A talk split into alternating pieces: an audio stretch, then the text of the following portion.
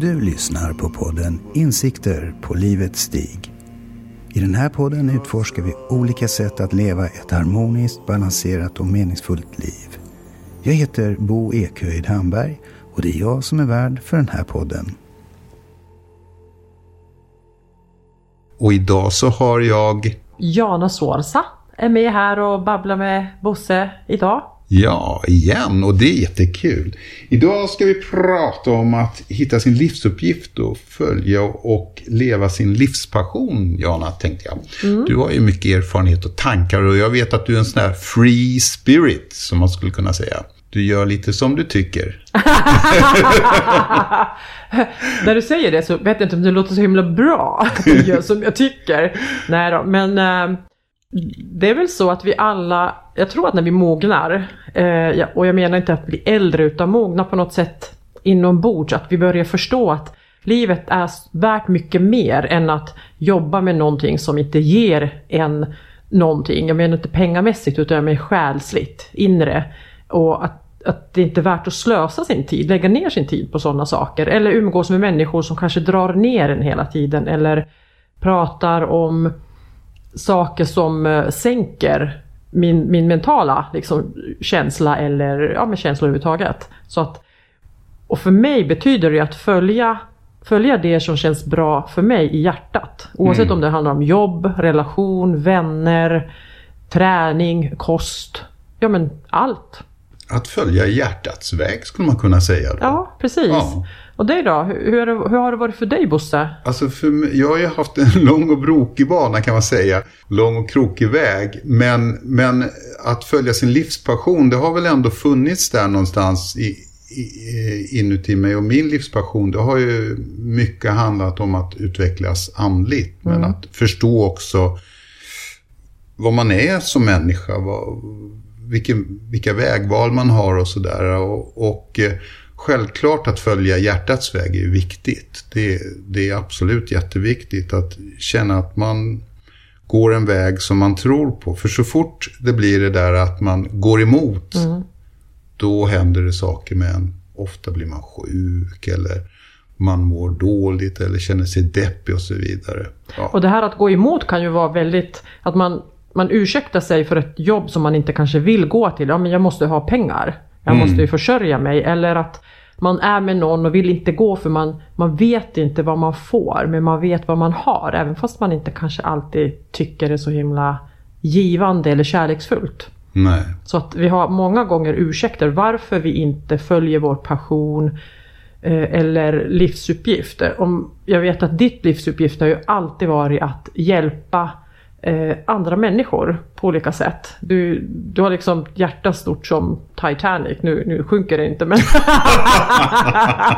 konstig liknelse här men ja, Going ni fattar. ja, exakt.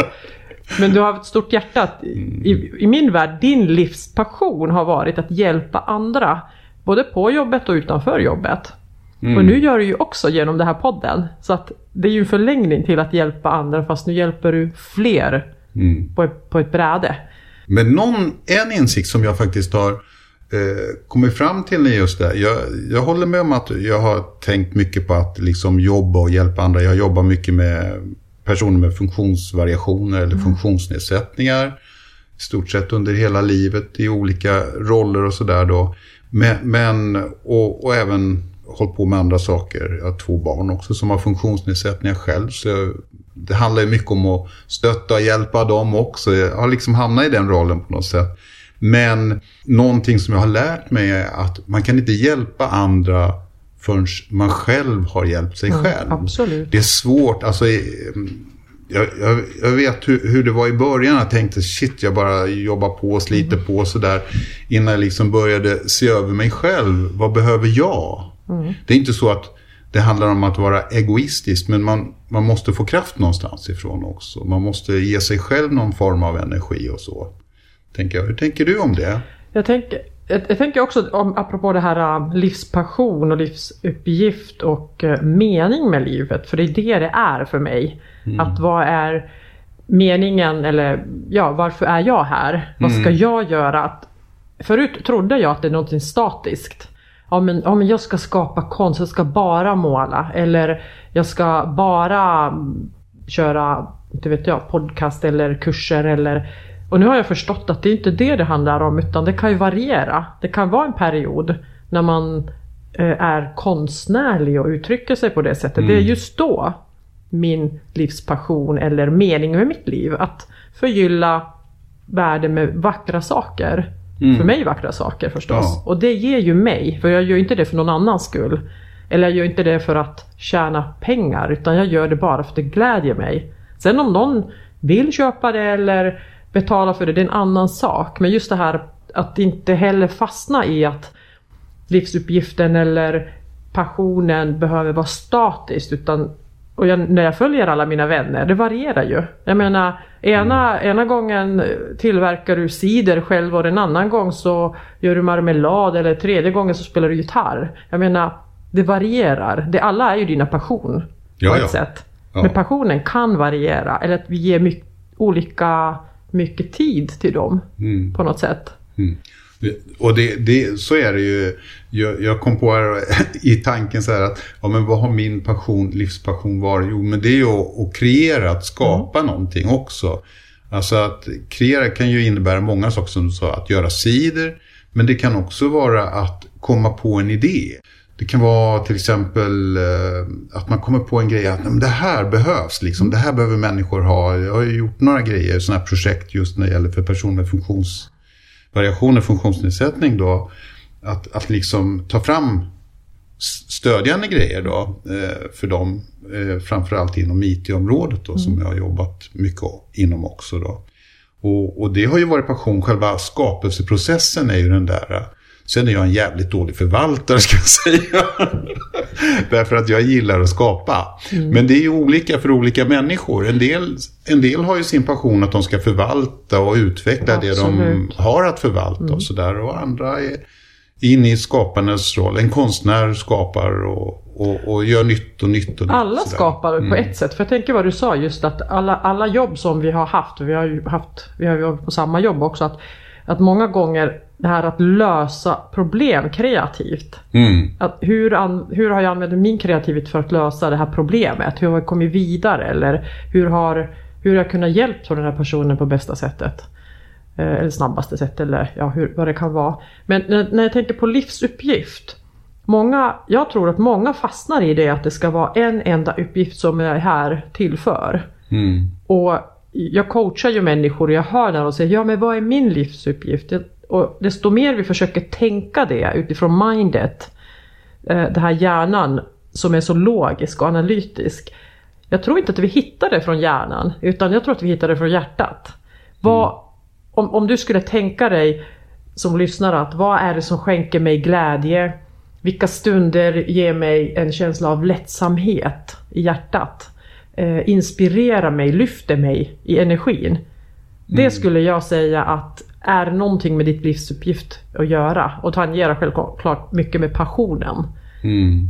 För om jag tvingar mig själv att ah, min livsuppgift är att hjälpa hemlösa och jag gör det utifrån någon slags att jag måste göra det. Jag måste vara en god människa. Jag måste göra någonting bra här i livet. Och det var det närmaste jag kunde göra. Då, då är inte jag genuin. Nej. Och genuinitet har inget med passion att göra. Alltså att genuinitet. Det var ju tvärtom. Genuinitet har med passion att göra. Men om jag måste göra någonting och mm. tror att ja, mitt livsuppgift är att uh, ha ett katthem för katter. Det bara ramlar på mig och då måste jag fortsätta med det. Eller mina föräldrar gav mig ett företag som jag måste förvalta och fortsätta med. Och samtidigt går de här människorna sönder inombords. För mm. de förvaltar någon annans passion. Mm. Men de tror det, att det är deras livsuppgift. Mm. Som jag också ser det så, så, finns det olika vägar, eller ska man säga livsuppgiften kanske att eh, leva sitt liv så väl som man kan. Jag, jag menar att, att eh, när den dagen kommer och man lämnar mm. det här. Du menar man dör? Ja, precis. Så kan man säga. Man dör. Eller jag, jag säger man lämnar sitt skap. Ja. Eh, eh och eh, går in i en ny existens, kan man säga. Då, då vill man ju se tillbaka på och se liksom, vad har jag gjort? Alltså det, någonstans du och jag vet aldrig när den dagen kommer. Eh, och inte någon annan heller troligtvis eh, för sin de, egen del. Va? Utan det gäller ju liksom att, att, känna att man är tillfreds med sig själv och med, med vad man har gjort. Det är lite sent att ångra sig och tänka precis jäklar. När man är 80 och ligger i sängen. Eller 90 och ligger i sängen där. Ja, mm. eller om man är 20 och går ut på gatan och mm. blir påkörd ja. av en bil. Mm. Precis i den stunden. Alltså, vad har jag gjort med mitt liv? Vad var det som, som gjorde att jag kände att jag var en människa som gjorde det bästa jag kunde av mitt liv? Att göra det bästa vad man kan. Eh, utifrån de förutsättningar man har förstås. Absolut. Vi har ju alla olika mm. förutsättningar. Och ingen kan gå och säga till någon annan, du borde Nej. göra det här. Nej. Eftersom du har talang med det här, gör det. Men den människan kanske inte alls får energi av den tanken. Nej. Jag har ju konstnärsvänner som vars kanske föräldrar eller välmenande vänner säger att men herregud du gör så fantastisk konst, sälj det här. Och min väninna bara nej nu tappar jag totalt inspirationen. Mm. När du kopplar pengar till det. Och då slutar hon. Ja. Och skapa. Ja. För att det blev det var inte hennes livspassion utan hon ville bara skapa för sin egen skull. Men jag älskar det vad du sa det här att, att vi gör det bästa med, med, eh, av situationer och med vad vi har. För jag vill ju själv leva, apropå livsuppgift, att om jag lever från hjärtat då kan jag fråga mig själv att är det här valet som jag håller på att göra, är det hundra för mig? Mm. Om det är under hundra, då betyder det att det kompromissar i mig någonting. Jag gör mm. det för någon annans skull, eh, jag gör för samhällets skull, och då ger den inte mig lika mycket som det skulle ge när jag gör det utifrån 100%. Och jag menar 100% närvaro i mig själv, i hjärtat. Jag står mm. för det här valet. Nu vill jag hjälpa dig, 100%. Precis. Och det, och det, det, det, där, det där tror jag är att man, man behöver bara det här. Var vaksam. Mm. Och var varsam. Och vila i kärlek. Mm. Och lev ditt liv på det sättet. Och vad då var vaksam? Jo, inte vara vaksam på omgivningen bara, utan vara vaksam på mig själv. Vad gör jag? Orsakar jag skada nu mot någon annan? Är jag liksom, hur fungerar jag? Och också att vara varsam. För även om man ser sanningen ibland, ser saker som är uppenbara och man vill gärna påtala dem, så måste man ändå vara varsam med hur man uttrycker sig eller vad man säger. Varsam mot andra men varsam mot sig själv också. Och, och sen om man vilar i kärlek, att man, man utför kärleksfulla handlingar, handlingar som utgår ifrån en genuint välvillig känsla. Så kan man ha en väldigt fin balans i livet. Absolut. Och jag älskar det där. Jag tycker det är jättebra. Det skulle kunna vara titel för den här podden. men, men just att, att vara varsam mot sig själv också. Mm. Och om jag, om jag lever mitt liv att jag söker ett jobb, jag går dit, två dagar senare märker jag att oj, det här jobbet resonerar inte med min vär, mina värderingar. Nej. Då är jag inte, om jag skulle fortsätta där, då skulle jag vara ovarsam mot mig. Ja, vilket i sin tur skulle förmodligen senare leda att jag skulle inte vara lika varsam på jobbet heller. För att jag är ju där mot min vilja om jag skulle fortsätta. Och det sista du sa att eh, vila i kärleken. Mm. Och det är också för mig att när jag gör någonting som känns bara 100% wow, det här, det här vill jag göra. Det här känns bra i mig. Det här ger mig tillfredsställelse. Att, att verkligen även vända det för oss själva. De här mm. orden som du sa. Mm. Eller eh, budskapet eller eh, råden. Mm. Så jag ty tycker att de där summerar ju egentligen det vad vi pratar om. Mm. Att att ha dem som ledord på något sätt i livet mm. som du har nu haft hittills. Så mm. om jag, jag, känner det, jag tycker du lever så. sen, sen, sen, finns det ju så här, sen, sen är det ju så här, um, någon gång så när jag funderar på det i någon meditation och sånt där så tänkte jag så här, för att man tappar ibland fokus och mm. man tappar ibland så här. Uh, och, och, jag tänkte så här, ja men vad tusen, alltså på något sätt, vad är det som gör liksom att jag tappar fokus eller att jag inte så här, och då hörde jag att duscha förhindrar inte att bli smutsig. Mm. Det vill säga, och då är det inte handen, det är egentligen bara, eh, vad ska man säga, eh, en beskrivning av att även om man mediterar och man gör allting så händer saker i ens liv som gör att man liksom sj- sjunker ner, eller vad man ska säga, i, i det här. Man blir smutsig eller man, Absolut. man tappar greppet lite grann. Och så måste man göra om. Absolut. Och, så det är ju, det är en, ständ, en ständig... Bara för att man en gång har uppnått det där tillståndet att man mår Wow, nu känner jag mig jätteandlig, nu känner jag mig Mm. Så är inte det varaktigt. Nej, absolut inte. Jag brukar säga till mina klienter och för mig själv också att det är som att gå på gymmet. Om jag slutar så Mm. mina muskler är ju inte kvar efter en vecka eller två. De Nej. börjar liksom gå till någon slapphet Ja. och ja, bli svaga. Så att självklart, det är ju det är så det är. Att det här, jag tror att det här att vara vaksam är väl det just. Mm. Tycker jag. Att, och och vara, vara varsam med sig själv att när jag inte följer mitt hjärta så jag skulle inte döma och kritisera mig utan varsamt bara aha nu, nu sa jag ja fast jag inte tyckte att om idén. Jag gick med på det här fast mitt hjärta sa verkligen att nej. Att gå inte med på det och jag gick med på det så att varsamhet för mig och kärlek är att jag inte dömer mig för att jag gjorde det. Nej, För precis. jag, vi lever ju i den här världen.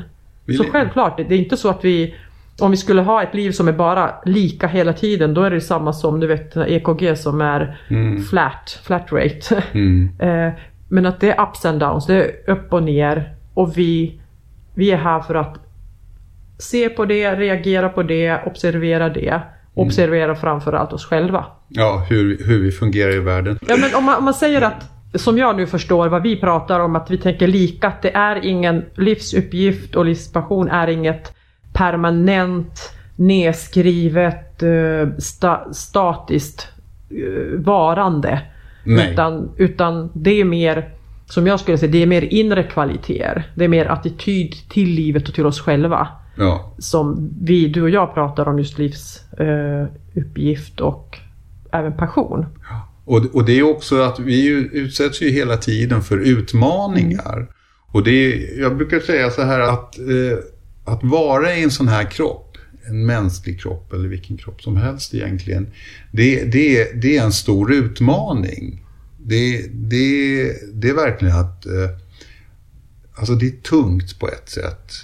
Det är ju tre, nu pratar jag 3D men jag menar tre, tre, 3D-dimensionen som vi lever i fysiskt. Mm. Den är väldigt eh, dens, den är väldigt, vad säger man på svenska? Tjock. Ja, tjockt och tungt och tät. Mm, den är väldigt tät. Det, det är tät. Och, och, när man, och när man ser sig runt omkring i världen som de flesta gör idag med alla krig och allting. Och som egentligen har funnits Alltid. alltid.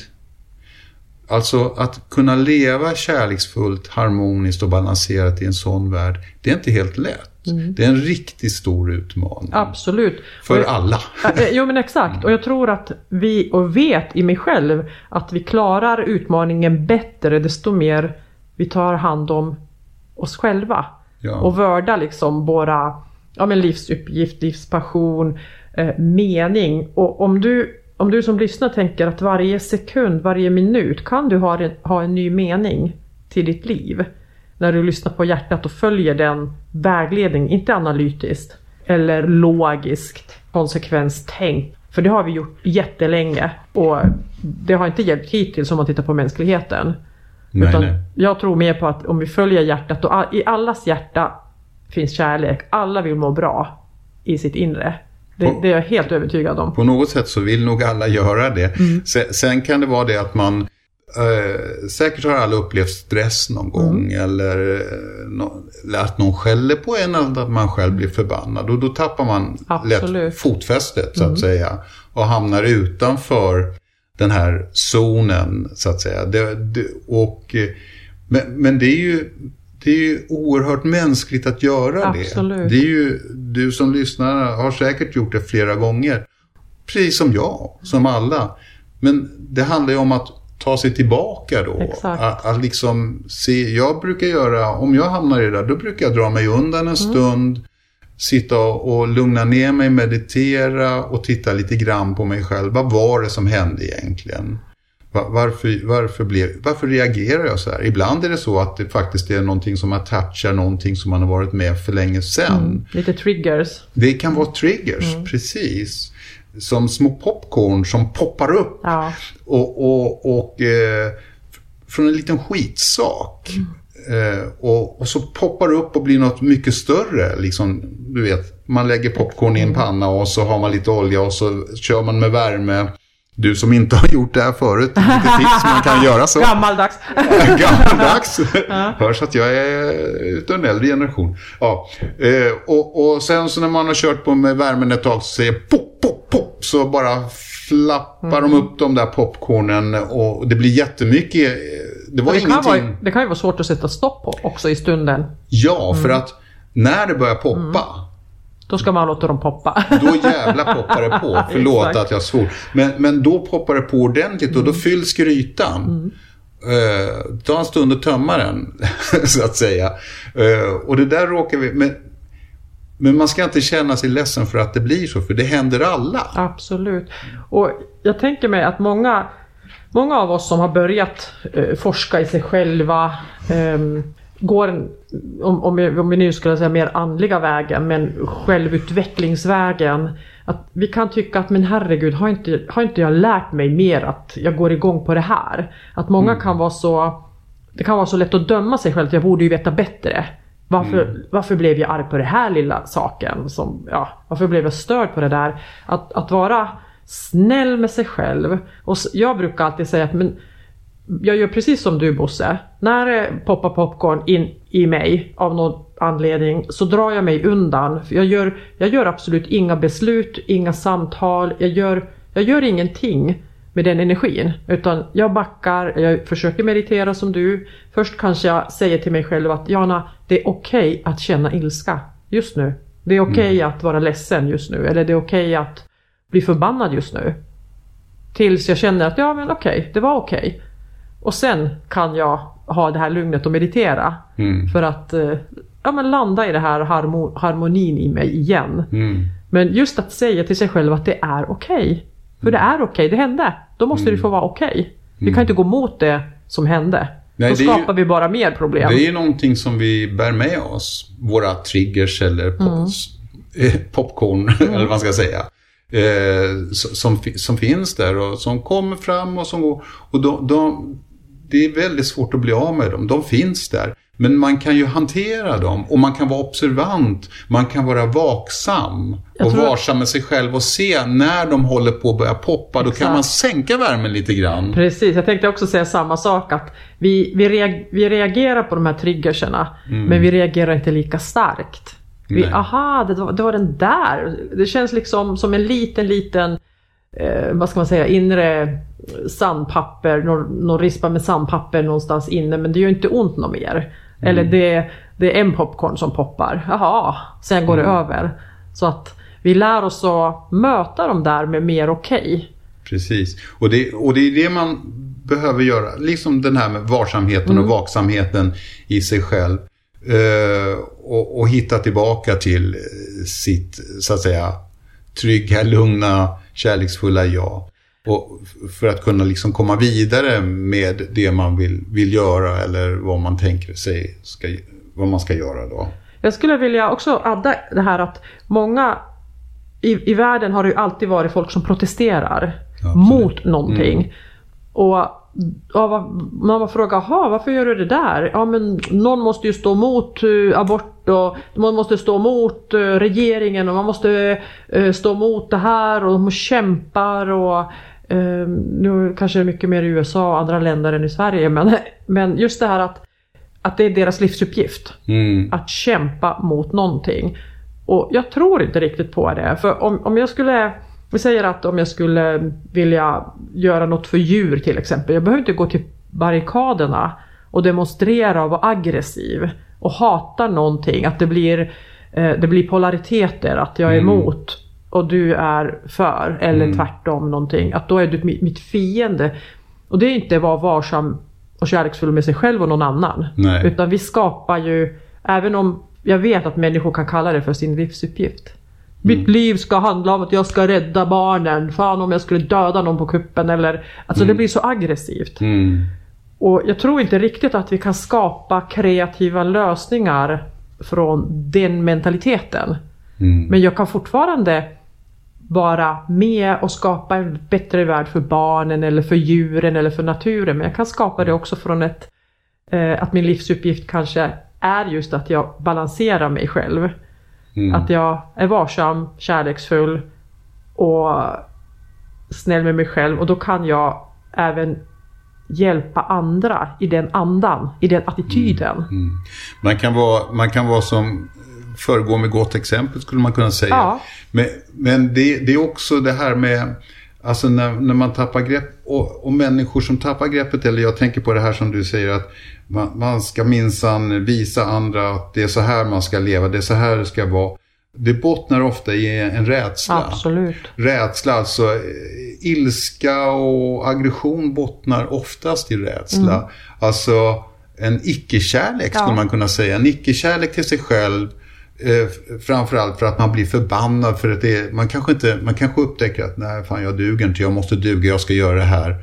Alltså Våld, aggression och sånt, det är egentligen en rädsla. Absolut. Jag Rädsla för ju- sig själv, rädsla för kärlek. Rä, rä, alltså, ofta väldigt rädda människor som, som liksom alltså, har, har tappat liksom sin, e- de hittar inte sin egen inre kärna. Så kan man Jag tror säga. att, om du kommer ihåg den här filmen, eh, En man som hette Ove. Ja, hans det. Mm. livsuppgift var att, han var ju arg hela tiden, och Ja. hans livsuppgift, liv- livsuppgift och förmodligen kanske yttre passion var att granska hela tiden grannskapet och, och grannarna. Precis, Och- och, säga Ja, exakt. så Pe- ska det inte vara. peka peka Ja. på dem med hela handen att så här gör du, nu gör du fel. Mm. Och, och jag, han, han var ju ledsen egentligen. Ja. Men han omvandlar det till ilska. Och det är så jag tror många människorna gör. Och då kan de skapa livsuppgift av ilskan istället. För det är det motorn som håller dem igång och som, då slipper de känna smärtan. Mm. När de Ja, är arga precis. istället.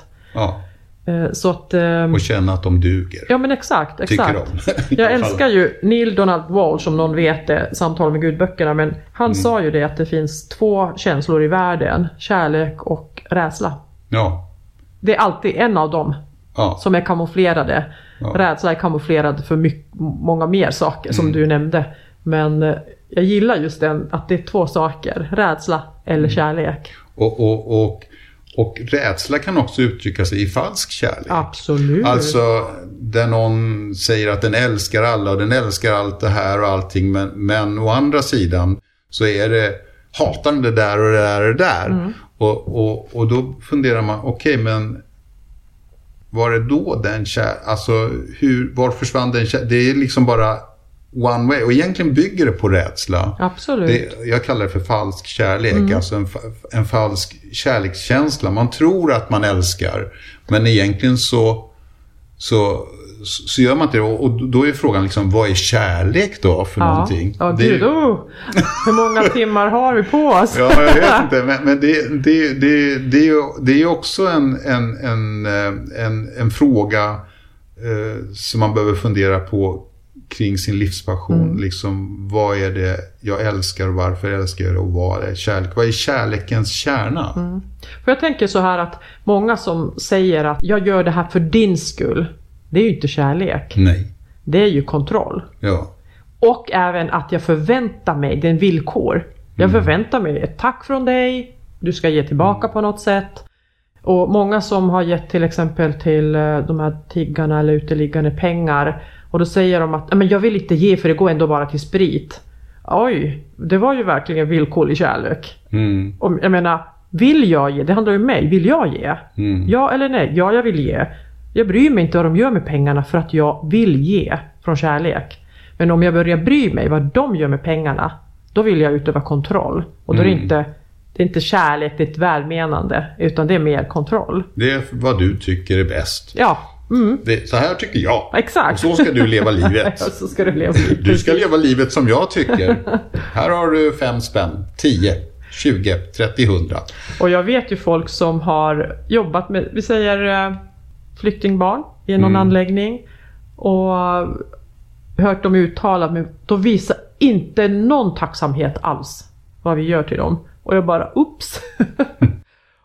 och den personen kunde uttrycka sig att ja men det är så trevligt att jobba där och ge någonting liksom till andra och och sen kommer den andra sidan fram att ja men de borde uttrycka kärlek. Jag bara oj. Eller tacksamhet. Jag menar, då, då var det inte för mig att det var ovillkorligt. Det var villkorligt. Och jag vet inte om jag kallar det kärlek något mer. Nej. Utan det är att jag vill ha, jag vill ha kontroll. Vi räknar här. Mm. Jag ger ett till dig ska du göra ett till mig. Mm. Kanske du ska ge två till mig för jag gav ett till dig. Mm. Då ska du vara dubbelt tacksam. Och det, det, jag, jag tänkte på en grej, jag hörde en historia häromdagen. Det var en kvinna som berättade, hon jobbar inom ett område där man stöttar personer med, som är hemlösa och sånt där.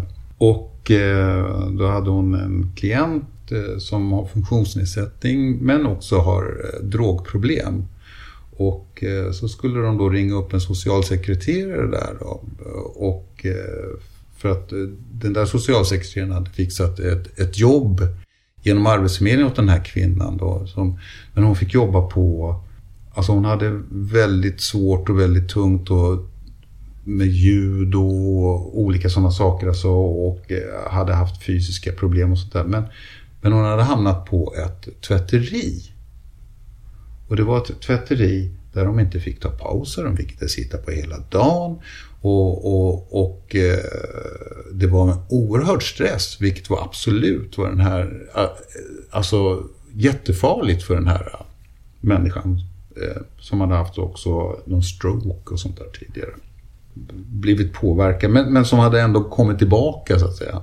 Så att de ringde upp den här äh, socialsekreteraren då som hade, hade fixat det där och, och sa att nej det här kommer inte att gå.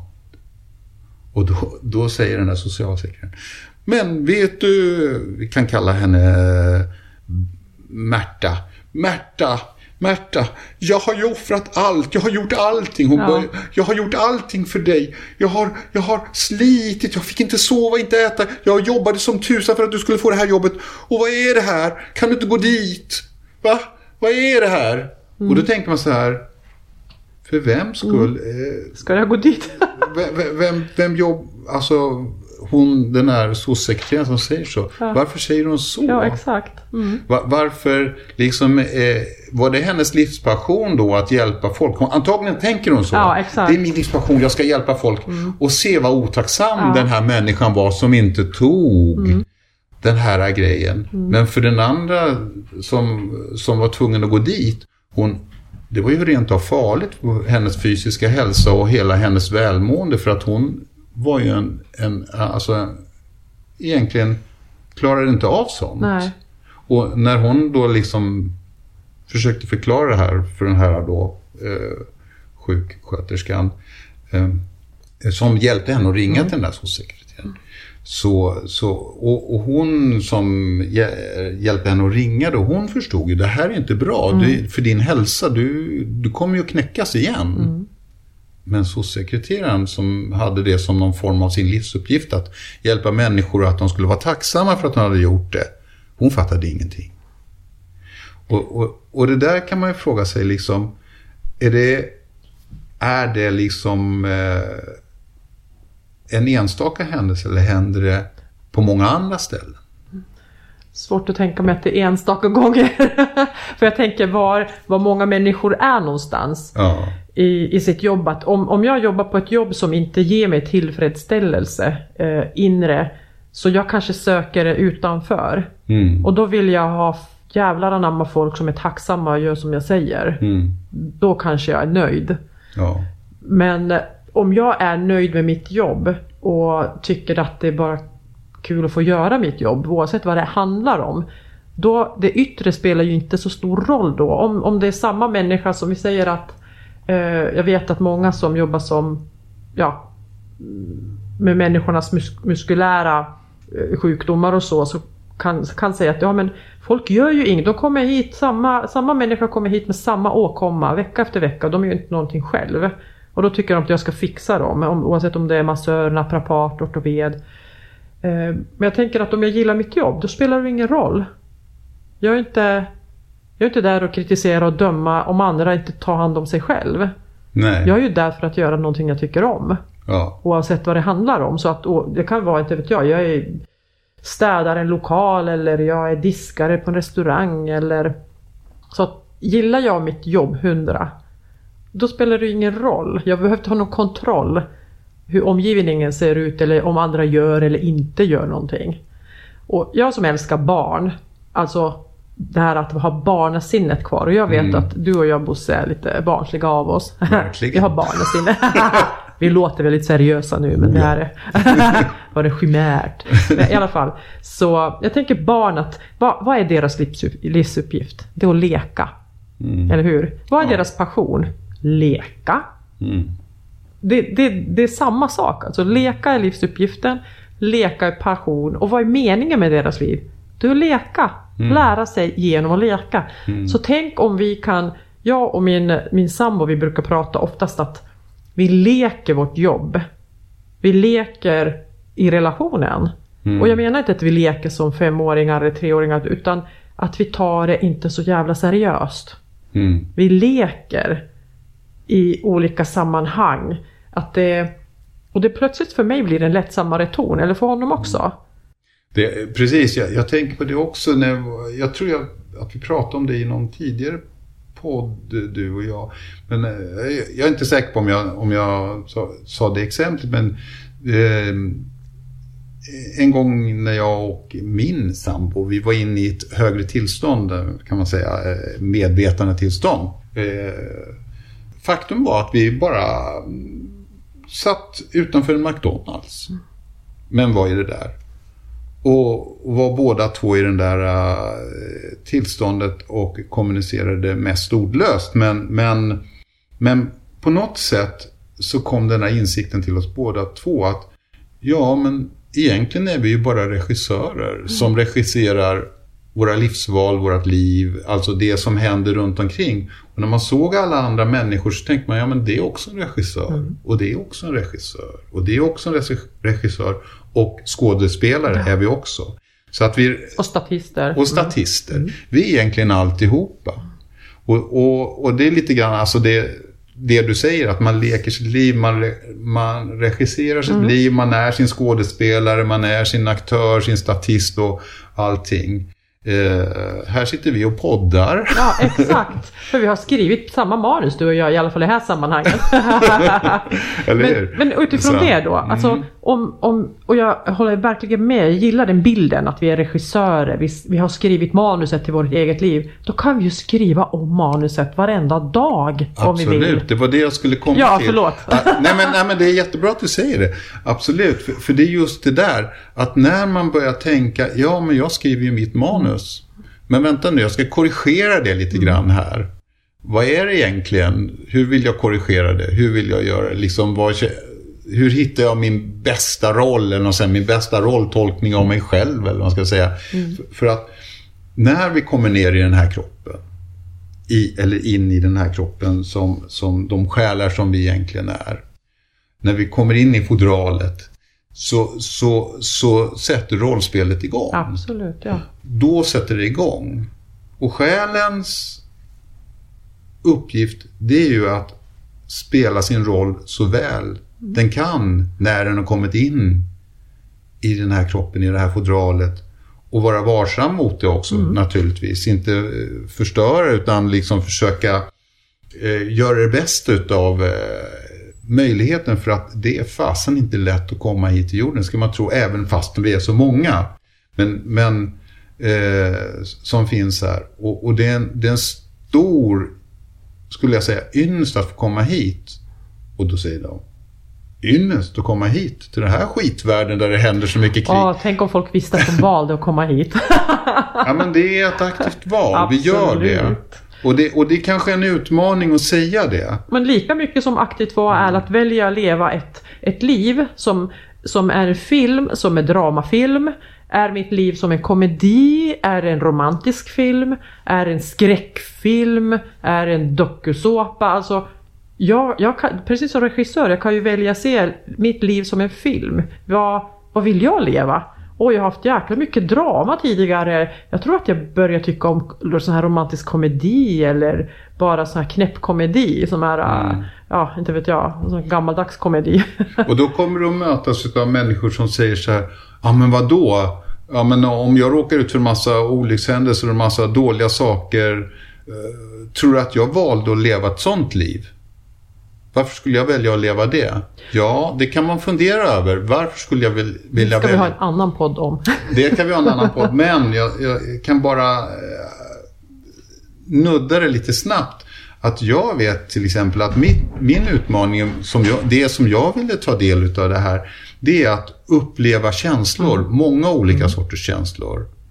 Och om man ska uppleva många olika sorters känslor, då måste man vara beredd att möta sorgen och den stora glädjen, eh, rädslan. Alltså det finns så många olika känslor mm. att uppleva. Oj eh, gud ja, det finns, jag har en hel A4, två sidor fullt med känslor skrivna. Ja, och, och, och, och, och eh, jag vet om att det är så. Mm. För min del, att, att det har varit så. För att ta del av de olika eh, erfarenheterna.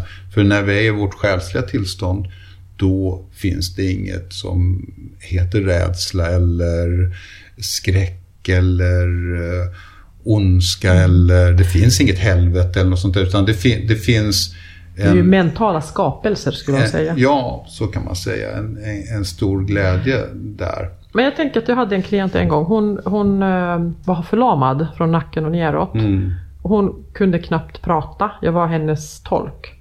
Och uh, så hon, hon kunde inte äta själv, klä på sig själv. Och de lyfte inte henne från stolen. Alltså hon satt och sov i den också. Så att hon levde från en stol. Och enda som rörde sig oftast var ögonen. Och sen väldigt ja, dåligt tal. Men, eh, men hon såg sig, alltså hon var så härlig. Hon såg sig själv som författare. Mm. En, en människa som älskar att resa. Mm. Och sen när folk frågar, men ty, känner inte du dig sjuk? Hon bara, sjuk? Nej, nej jag är inte sjuk. det var så underbart. Så hennes livsuppgift var att, hon såg ju inte sitt tillstånd i kroppen. Men hon levde ändå. Mm. Och hon levde med det vad hon valde att leva. Hon valde att resa. Hon valde att skriva bok. Mm. Hon valde sina assistenter. Hon valde en man som hade samma tillstånd som hon. Hon valde allt det här. Som mm. vem som helst. Och det, hennes, hon sa det att min livsuppgift är att leva mitt liv ja, så bra jag bara kan. Men hon mm. sa inte på grund av att jag är handikappad eller på grund av att min kropp inte funkar. Nej. Hon bara ville leva sitt liv så bra det gick. Ja. Så att eh, absolut, och det, jag tycker det är en jättebra insikt. Och jag tänker så här att det finns ju så otroligt mycket mer att prata ja. om det här. Liksom att, att, att hitta sin, sin, eh, sin, sitt livsval och sin väg och allting sånt där. Men men, men det viktigaste det är nog att man börjar granska sig själv och fundera på just det där utifrån hjärtat. Vad liksom, man brukar prata om magkänsla mm. också, men att vad, vad, vad är det liksom som känns rätt för mig? Och ibland så kan det vara så att ja, men det, är, det kan vara en, en enkel sak. Mm. Man kanske säger, nej men jag vill faktiskt uh, bli uh, getabonde eller något sånt där. Eller jag vill göra alltså, någonting som känns rätt. Man kanske inte blir rik på det. Det kanske är ett väldigt uh, långsamt liv man lever. Man, man kanske lämnar liksom uh, saker och ting bakom sig. Pengar, välfärd och allting. Men det känns ändå rätt. Att, att, att inte vara rädd liksom och följa den där äh, mm. Jag tror känslan. att när vi är här och nu och tar beslutet från här och nu så tar vi alltid rätt beslut för oss själva. Men om jag tar ett beslut utifrån en framtidsperspektiv. Mm. Tjänar jag på det här? Överlever jag på det här? Då är jag redan inne i mindet och tar ett beslut som har alltid sabbat det för oss. Ja, då lever du i rädsla Absolut. och rädsla att inte uppnå mm. Det, det, det, det, är det, då är det det jag får ja. uppleva också. Ja. Mer av det, rädsla. Ja, för det, det, jag, jag tror att väldigt många människor, speciellt unga människor idag, lever mycket i rädsla. Mm. De lever i rädsla att inte duga, att inte, att, att inte vara okej okay i andras. Eh, liksom eh, när någon tittar på den, jag menar man lever mycket i den här sociala mm. medier-världen, mm. man ska visa upp sig, man måste se ut på ett visst sätt, man måste vara på ett visst sätt, man ska vara lyckad. lycklig eh, och så vidare och så vidare. Det fi- finns så mycket och hela tiden liksom att leva i det där rädslan att inte vara den där, att bli utanför. Folk blir mobbade förstås. Ja, du ser ju ut som skit eller usch vad ful du var eller du kan ingenting och så blir man ännu mer rädd och så måste man hitta sin väg. Alltså det, det är otroligt mycket ångest som finns. Men tänk om, tänk om alla fattade att våra livsuppgift och passion är att vara vi, oss själva. Mm. Att vara sig själv. Att vara den man innerst inne vill vara själv. Och ha Utan- mod att vara det. Ja, och, men utan också att behöva bry sig om vad andra tycker och tänker Och om vem mod. man är. Det är modet. Ja. Att vara liksom, det är den här jag är och det är den jag vill vara och det är den jag, liksom inte för att man ska vara någonting eh, som ska visa någonting för alla andra. Liksom jag ska ha pengar och jag ska ha bästa grejerna och jag ska ha guldkedjor och klockor och eh, bilar eller vad fasen det nu än är. Så att, eh, ja. Men säg de här tre sakerna igen avslutningsvis, för jag tycker det summerar ändå nästan allt vi har snackat om. ja. Var vaksam, var varsam och vila i kärlek.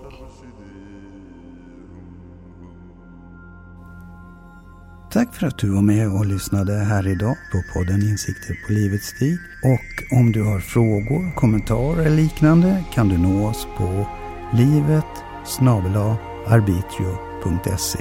Du kan också hitta mer information om oss på vår hemsida www.arbitrio.se.